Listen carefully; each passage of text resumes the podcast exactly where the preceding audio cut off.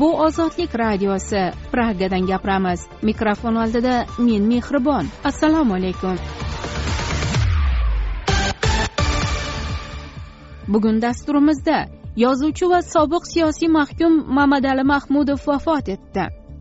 Paxta solig'i tadbirkorlardan olti million so'mgacha pul yig'ilmoqda. Sooronboy jeenbekov yo'l qo'ygan xatolari uchun qirg'iziston xalqidan kechirim so'radi va parlamentda rasman iste'fo berdi. Ish bo'lgan yerda kamchilik bo'ldi. Al uchun qadrman elim sizlardan men kechirim so'rayman tafsilotlar uchun to'lqinlarimizda qoling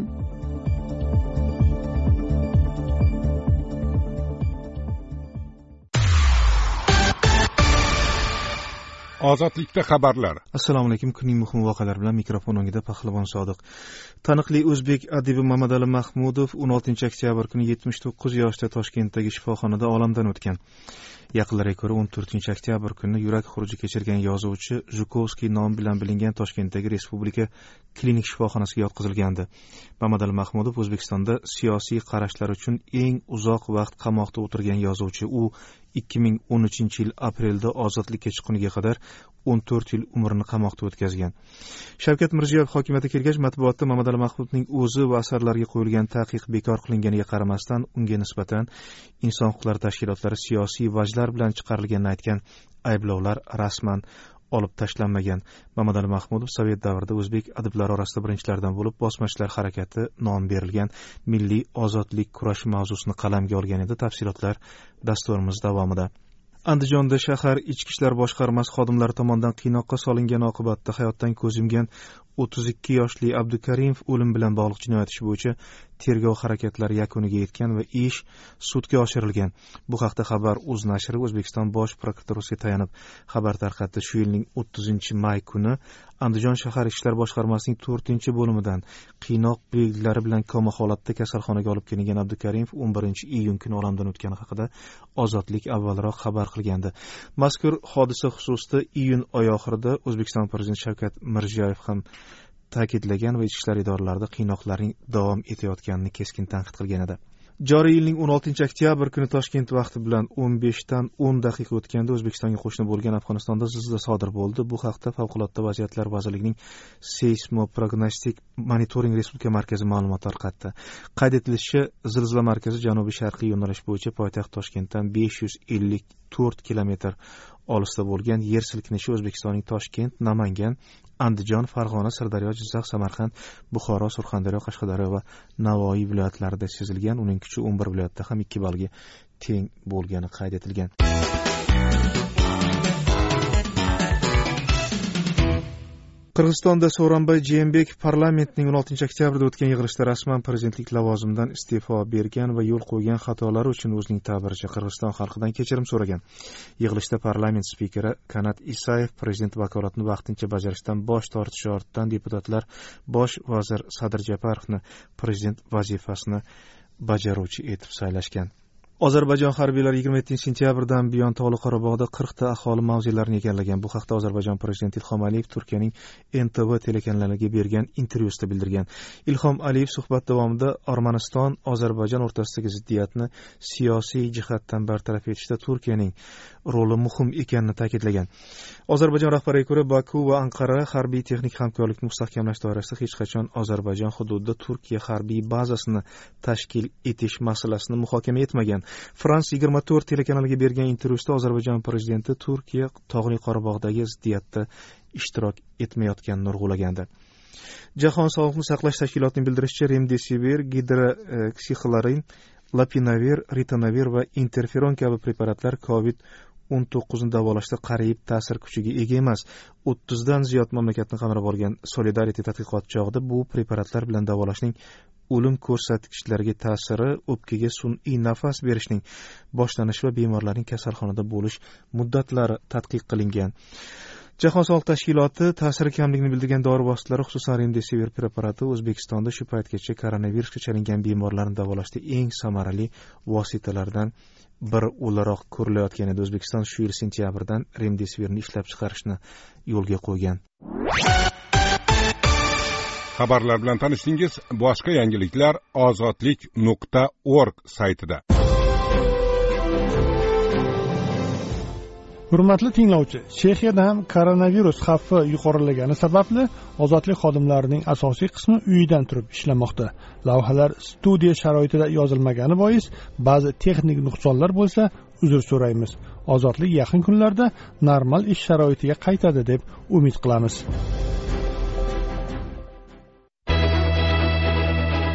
Ozodlik radiosi. Taniqli shaxslar.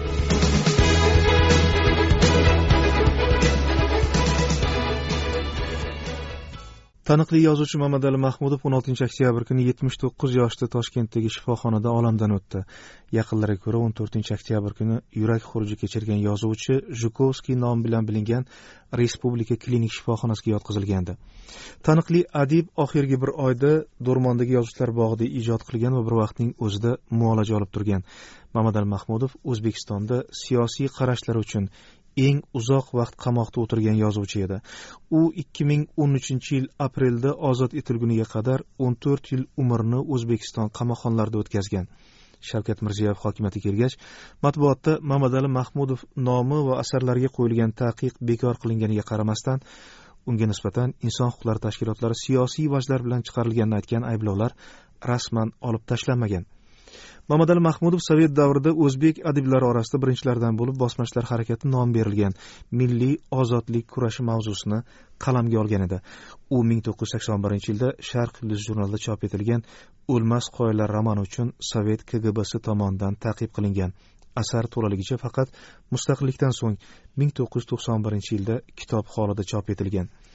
Mamadali mahmudov o'zbekiston mustaqilligi arafasi va mustaqillikning ilk yillarida o'zbekiston yozuvchilar uyushmasining kotibi va madaniyat jamg'armasi raisi lavozimlarida ishlagan. Taniqli yozuvchi va arbob ming to'qqiz yuz to'qson to'rtinchi yil 3 martida muxolifatdagi erk partiyasi bilan aloqalar uchun hibsga olinadi va rasman davlat mulkini o'zlashtirishda aybdor deb topilib to'rt yilga ozodlikdan mahrum etiladi.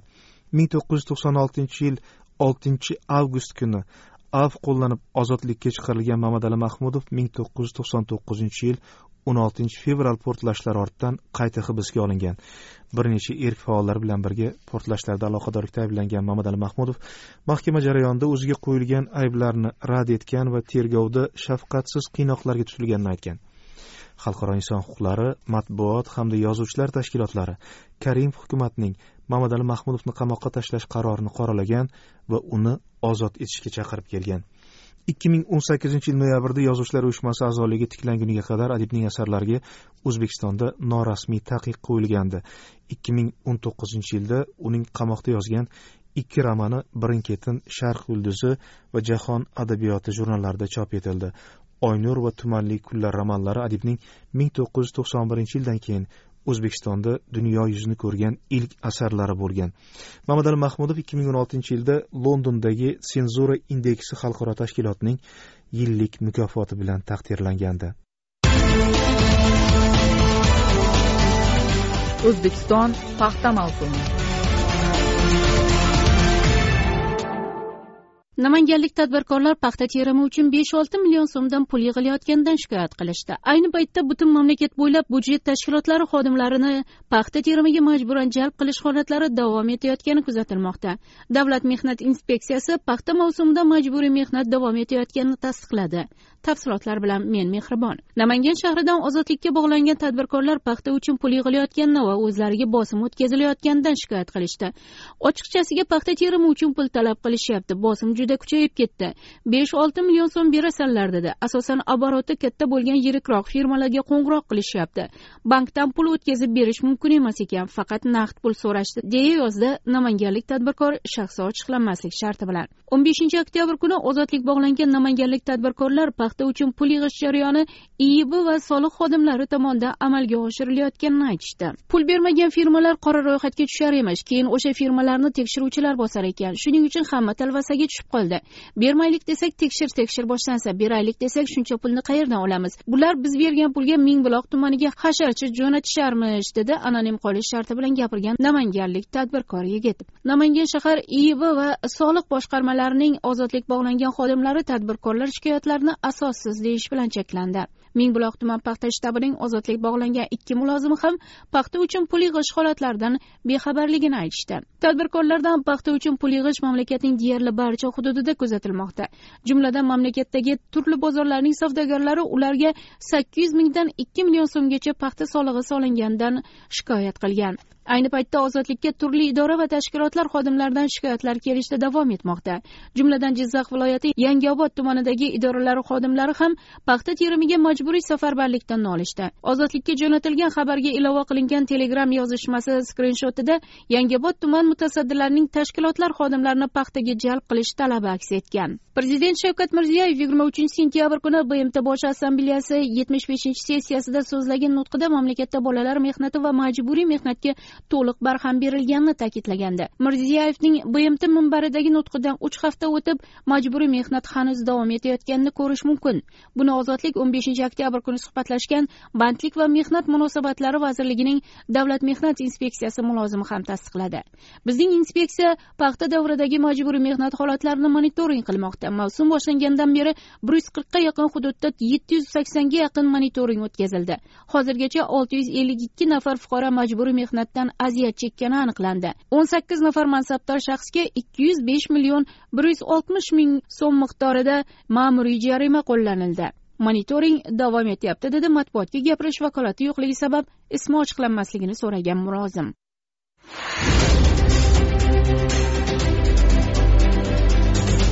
favqulodda hodisa. So'nggi tafsilotlar. Sooronbay jeenbekov yo'l qo'ygan xatolari uchun qirg'iziston xalqidan kechirim so'radi va parlamentda rasman iste'fo berdi. Mavzu tafsilotlari bilan men elmurod tanishtiraman. So'ronboy jeenbekov parlamentning o'n oltinchi oktyabrda o'tgan yig'ilishida rasman prezidentlik lavozimidan iste'fo berdi va yo'l qo'ygan xatolari uchun qirg'iziston xalqidan kechirim so'radi. So'ronboy jeenbekov so'z avvalida qirg'iziston fuqarolik jamiyati va media hamjamiyatga tashakkur bildirdi. Bizni jarandi qo'm kuchli jana ochiq deb buga cheyin aytib kelgan men avval ham bizning fuqarolik jamiyati kuchli va ochiq deb aytib kelganman fuqarolik jamiyati va ommaviy axborot vositalarining so'nggi kunlardagi faoliyati qirg'iziston huquqiy davlat ekanini isbotlashga qaratildi. Mana shunday fuqarolik pozitsiyasi uchun barchaga minnatdorchilik bildiraman dedi so'ronbay jeenbekov. So'ronbay jeenbekov shundan so'ng uch yillik prezidentlik faoliyati davomida aloqalar sovuqlashgan qo'shni davlatlar bilan munosabatlarni iliqlashtirishga muvaffaq bo'lgani korrupsiyaga qarshi kurash olib borganini alohida ta'kidladi va prezident sifatidagi ambitsiyasi xitoy qirg'iziston o'zbekiston temir yo'lini qurib bitkazish bo'lganini aytdi. So'ronboy jeenbekov so'zida davom etar ekan. Men uchun o'zim butunligi elimizni birimligi men uchun mamlakatimiz yaxlitligi xalqimizning birdamligi jamiyatning ahilligi barcha mansablardan ulug'roqdir. Men uchun har bir vatandoshimizning salomatligi har bir vatandoshimizning hayoti hamma narsadan qimmat. Shuning uchun prezident lavozimidan iste'fo berishga qaror qildim deb aytdi shundan so'ng prezident yo'l qo'ygan xatolari uchun qirg'iziston xalqidan kechirim so'radi ish bo'lgan yerda kamchilik bo'ldi. Al uchun qadrman elim sizlardan men kechirim so'rayman so'ronboy jeenbekov nutqini deputatlar guldiroz olqishlar bilan qabul qildilar va bir necha daqiqalardan so'ng uni guldiroz qarsaklari bilan zaldan kuzatib qo'yishdi. Rahmat. Buyursa qaranglarda o'g'lim buyursa xudo xohlasa. Rahmat. Rahmat. Yig'ilishda parlament spikeri qanat isayev prezident vakolatini vaqtincha bajarishdan bosh tortgani ortidan deputatlar bosh vazir sadir japarovni prezident vazifasini bajaruvchi sifatida sayladi. Sadir japarov parlamentda qilgan chiqishida o'z faoliyati davomida hech kimga siyosiy bosim o'tkazmaslikka va ta'qiblar bo'lmasligiga va'da berdi. Sadir japarov to'rtinchi oktyabrda o'tgan parlament saylovi ortidan boshlanib ketgan norozilik namoyishlari ortidan oltinchi oktyabrga o'tar kechasi oq uy va milliy xavfsizlik xizmatini zabt etgan namoyishchilar tomonidan qamoqdan ozod etilgan va ertasi kun uning nomzodi bosh vazirlikka ko'rsatilgandi. Ozodlikni tinglayapsiz dasturimiz davomida elektron auksion toshkent shahridagi yer namangandagidan o'n baravar arzonmi? Go'sht o'n to'rt foizga qimmatladi. Qoraqalpog'istonlik fermerlar uni yarim narxda sotishga majburlanmoqda. Tramp va bayden saylovchilar oldida bir paytda turli telekanallarda chiqish qildi. Afg'onistondagi o'zbek yoshlari o'zbekistonda olgan diplomlari tan olinmayotganidan shikoyat qildi. Bir yarim yilga yaqin bo'lyaptiki diplomimizni hanuzgacha tayinlisini afg'oniston oliy ta'lim vazirligidan olganimiz yo'q. Tafsilotlar uchun to'lqinlarimizda qoling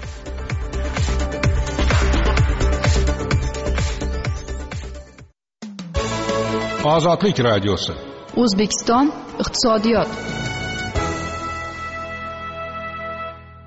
O'zbekcha auksion. Toshkent shahridagi yer namangandagidan o'n baravar arzonmi mikrofon oldida zamira shukur. o'n yettinchi oktyabr kuni elektron onlayn auksionlarni tashkil etish markazining i auksion uz portalida davlatga qarashli ikki yirik obyektni sotib olish uchun elektron ariza qabul qilish muhlati tugaydi. Sotilayotgan obyektlardan biri toshkent mintaqaviy paxta terminali ikkinchisi esa namangan mintaqaviy terminali. Davlatga qarashli bu ikkala paxta terminalini shavkat mirziyoyevning joriy yil oltinchi mart kungi qarori bilan tugatilayotgan o'z paxta sanoat aji sotuvga qo'ygan. Poytaxtning sergeli tumanida joylashgan birinchi terminal yer maydoni o'n bir butun o'ndan olti gektar. Boshlang'ich bahosi o'n milliard so'm. Namangan shahrining yuqori rog'iston mahalla fuqarolar yig'ini hududida joylashgan ikkinchi terminal bir yarim gektar. Uning boshlang'ich bahosi ham o'n milliard so'm. Ayni paytda ikkala terminalga xaridor bo'lganlar uchun investitsion majburiyatdagi tafovut ham o'n baravardan ko'proq. Toshkent shahri sergeli tumani xonobod ko'chasining to'rtinchi uy manzilidagi o'n bir butun o'ndan olti gektar yerda joylashgan toshkent mintaqaviy paxta terminalining potensial xaridoriga korxonaga ikki yil muddatda o'n milliard so'm miqdorida investitsiya kiritish va yuzta ish o'rni yaratish majburiyati yuklangan. Namangan viloyati namangan shahri yuqori rovuston mahalla fuqarolar yig'inining bir yarim gektarlik hududini egallagan namangan mintaqaviy paxta terminali talabgoriga esa korxonaga ikki yil ichida o'n million aqsh dollari miqdorida investitsiya kiritish va sakkiz yuzta ish o'rni yaratish investitsiyaviy majburiyati qo'yilgan. Hududi namangandagidan o'n baravar katta terminalga bir xil boshlang'ich narx qo'yilgani toshkent terminali talabgoriga namangandagiga nisbatan o'n bir baravar yengil investitsion majburiyat yuklanganiga biror rasmiy izoh berilmagan. Toshkent shahar hokimi jahongir ortiqxo'jayev joriy yilning o'n birinchi mart kungi qarori bilan poytaxtda doimiy foydalanish uchun sotib olinadigan yerning minimal narxini belgilagan edi. Unga ko'ra sergelining to'rtinchi zonasiga kiritilgan hududdagi bir gektar yerning minimal narxi yetti million ikki yuz qirq sakkiz yuz sakson besh ming to'qqiz yuz so'm beshinchi zonasidagi bir gektar yer esa uch million olti yuz yigirma ming to'rt yuz qirq uch ming so'm qilib belgilangan. Yer narxini belgilovchi davlat idoralari uchun rasmiy hisob kitob sifatida qabul qilingan bu qarordan kelib chiqilsa toshkent mintaqaviy paxta terminali hududi to'rtinchi zonada joylashgan bo'lsa faqat quruq yerning o'zi uchun minimal narx o'n milliard so'm emas balki qariyb sakson to'rt milliard so'm agar beshinchi zonada bo'lsa qirq ikki milliard so'mga baholanishi kerak edi. Mazkur terminal hududi bilan bevosita tanish mulozim ozodlik bilan suhbatda sotuvga qo'yilgan davlat mulki faqat quruq yerdangina iborat emasligini ta'kidladi. Paxta terminallari rejim korxonalari turiga kiritilgan va ular uzluksiz elektr energiyasi suv va boshqa zarur kommunikatsiyalar turi bilan ta'minlangan. Xususan toshkent terminali o'zining temir yo'l iziga ega. Kommunikatsiya degan narsa svet gaz suv kanalizatsiya asfalt bularning katta mощностьdagisini olib kelish juda katta pul turadi. Temir yo'l vetkasini tortish ham juda serxarajat ish. Bu yerda faqat yer sotilayotgani yo'q. Bu ishlab chiqarishni joylashtirish uchun juda zo'r joy. Hamma infrastrukturasi bor dedi ozodlik bilan gaplashgan toshkent mulozimi. Namangan shahridagi bir gektar yerning minimal sotuv bahosiga oid rasmiy raqamlar ochiq manbalarda mavjud emas. Ayni paytda tijoriy saytlarda sotuvga qo'yilgan namangandagi yer uchastkalari narxidan kelib chiqilsa shahardagi bir yarim gektarlik yer bahosi eng qimmat hisobga kitobga ko'ra yetti milliard so'm bo'ladi. Ozodlik ikkalasi bir kunda bir narx ammo o'n baravardan katta ikki xil investitsiyaviy majburiyat bilan savdoga qo'yilgan toshkent va namangan paxta terminallari narxini kim qaysi mezonlardan kelib chiqib baholaganini o'rganish uchun onlayn aksiyalarni tashkil etuvchi i auksion markaziga bog'landi. Markazning ozodlik gaplashgan ikki mutaxassisi davlat obyektlarini sotuvga qo'yish uchun davlat aktivlarini boshqarish agentligi mas'ul ekanini aytib odatda narxni ayni agentlik belgilashini bildirdi. Davlat aktivlarini boshqarish agentligining ozodlik bog'langan bir emas uch nafar mulozimi esa toshkent va namangan paxta terminallari boshlang'ich narxini kim qaysi asosda belgilagani haqidagi savollarga javob berishdan bosh tortdi. Ozodlik radiosi. O'zbekiston iqtisodiyot o'zbekistonda go'sht o'n to'rt foizga qimmatladi. Qoraqalpog'istonlik fermerlar uni yarim narxda sotishga majburlanmoqda. Tafsilotlar bilan hurmat bobojon toshkent bozorlarida bir kilo go'shtning narxi yetmish ming so'mdan oshar ekan. Qoraqalpog'istonning chekka viloyatlaridagi chorvador fermerlar go'shtning kilosini o'ttiz olti ming so'mdan sotishga majburlanayotganliklarini aytishmoqda. Rasmiylar esa buni o'zbekiston vazirlar mahkamasining buyrug'i bilan izohlashadi. Ularga ko'ra hukumat toshkent va boshqa yirik shaharlar bozorlarini qishloq xo'jaligi mahsulotlari bilan to'ldirish orqali narxlarning asossiz ko'tarilib ketishiga yo'l qo'ymoqda. Qilmaslik haqida maxsus topshiriq bergan. Fermerlar mahalliy hokimliklarning harakatini nafaqat bozor qonunlari balki amaldagi huquqiy normalarga ham zid deya baholashmoqda. O'zbekiston davlat statistika qo'mitasiga ko'ra yil boshidan buyon mamlakatda o'n to'rt foizga go'sht qimmatlagan. Qo'mita o'n uchinchi oktyabrda e'lon qilgan ma'lumotga ko'ra suyakli mol go'shtining eng arzoni nukus dehqon bozorida kilosi qirq besh ming so'mdan eng qimmati esa toshkentning mirobod dehqon bozorida oltmish besh ming so'mdan sotilgan.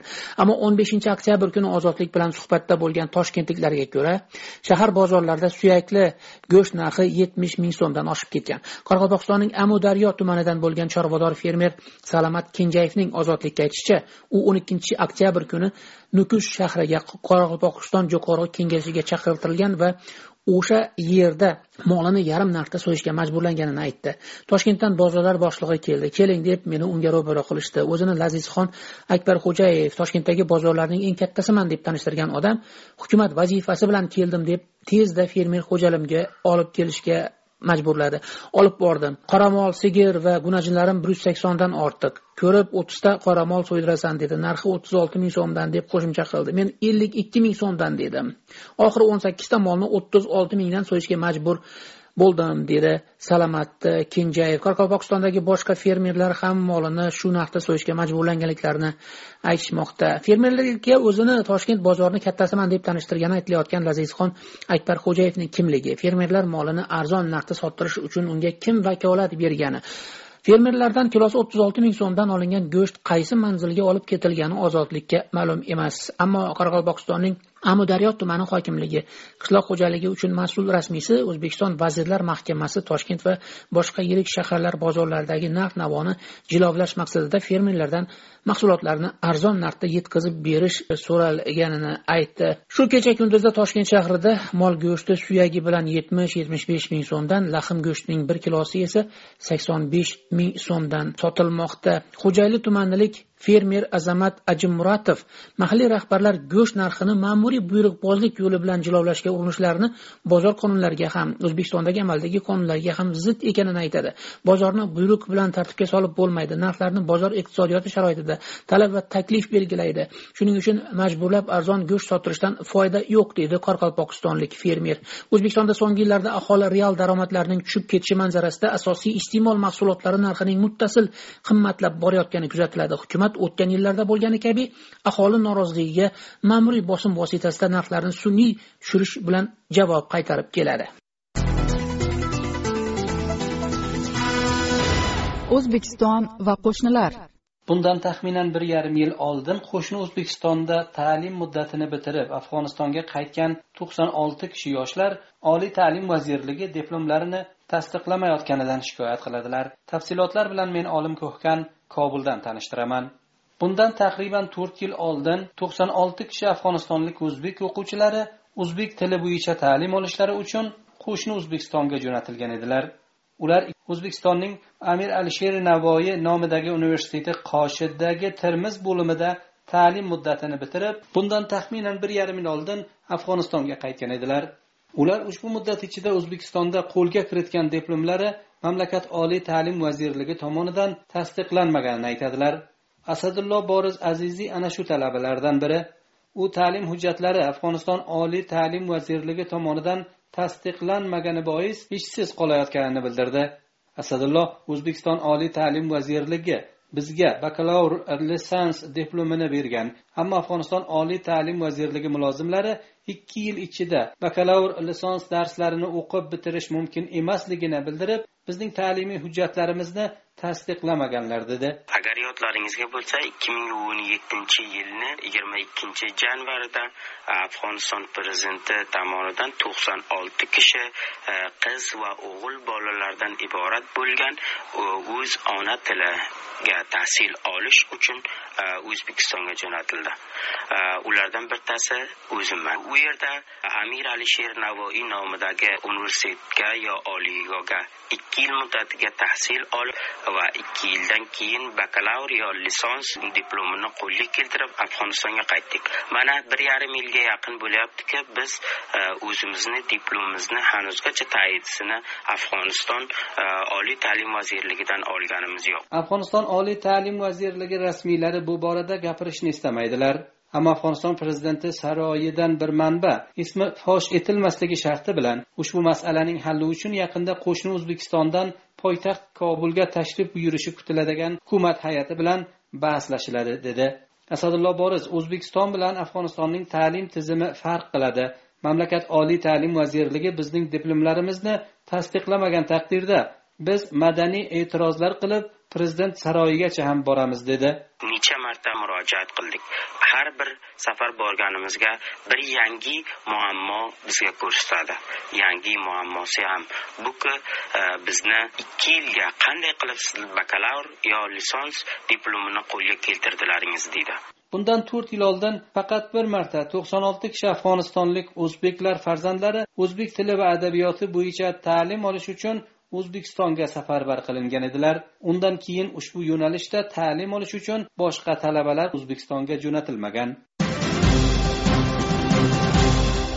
Ozodlik radiosi xalqaro hayot. Demokratlardan prezidentlikka nomzod jo bayden va oq uyga qayta saylanish umididagi respublikachi donald tramp o'n beshinchi oktyabr kuni oqshom bir paytda turli telekanallarda saylovchilar bilan muloqot qildi bayden trampni koronavirusga qarshi kurashmaganlikda aybladi. Tramp esa pandemiyaga nisbatan o'z vaqtida chora ko'rganini da'vo qildi. Tafsilotlar bilan men mehribon. Uchinchi noyabr saylov kunigacha amerikada koronavirusni yuqtirganlar uch millionga yetishi mumkin. Kasallikdan o'lganlar hozir ikki yuz yigirma mingga yaqinlashmoqda. Lekin oq uy tuzalganlar soniga e'tibor qaratmoqda. Tramp ma'muriyatiga ko'ra virusga chalinganlarning aksariyati sog'aymoqda. Iqtisod astalik bilan izga tushmoqda. Ish o'rinlari ochilmoqda va mamlakat barcha qiyinchiliklarga qaramay oldinga siljimoqda. Aslida o'n beshinchi oktyabrda bayden va tramp yuzma yuz debatga kelishi kerak edi. Lekin prezident ham virusni yaqinda yuqtirgani uchun bahs bekor qilindi. Tramp hozirda butkul sog'ayganini aytadi. Shifokorining aytishicha jamoatchilik bilan uchrashish xavfli emas. Saylovchilar allaqachon ovoz bera boshlagan. Hozirgacha amerika bo'ylab o'n sakkiz milliondan ortiq fuqaro prezidentlikka kimni istashini bildirib bo'lgan.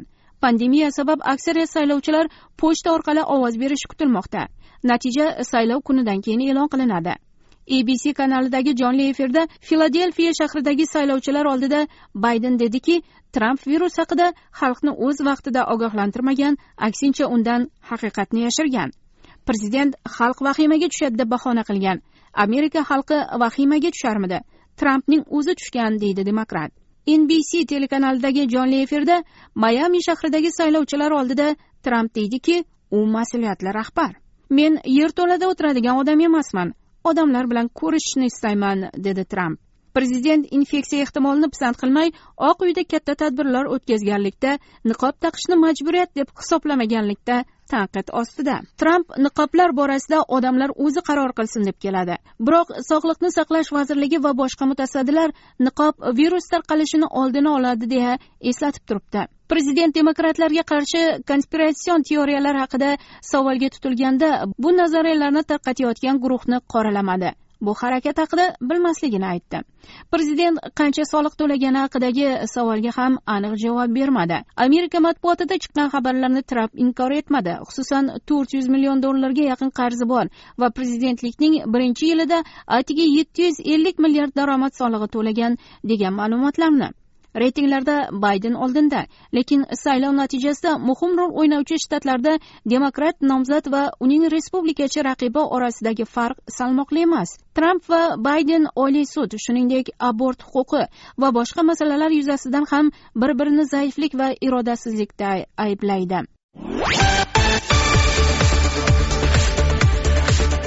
Ozodlikni tinglayapsiz o'zbekiston mintaqa va jahon yangiliklarini ozodlik bilan birga kuzatishda davom eting. Xayrli kun.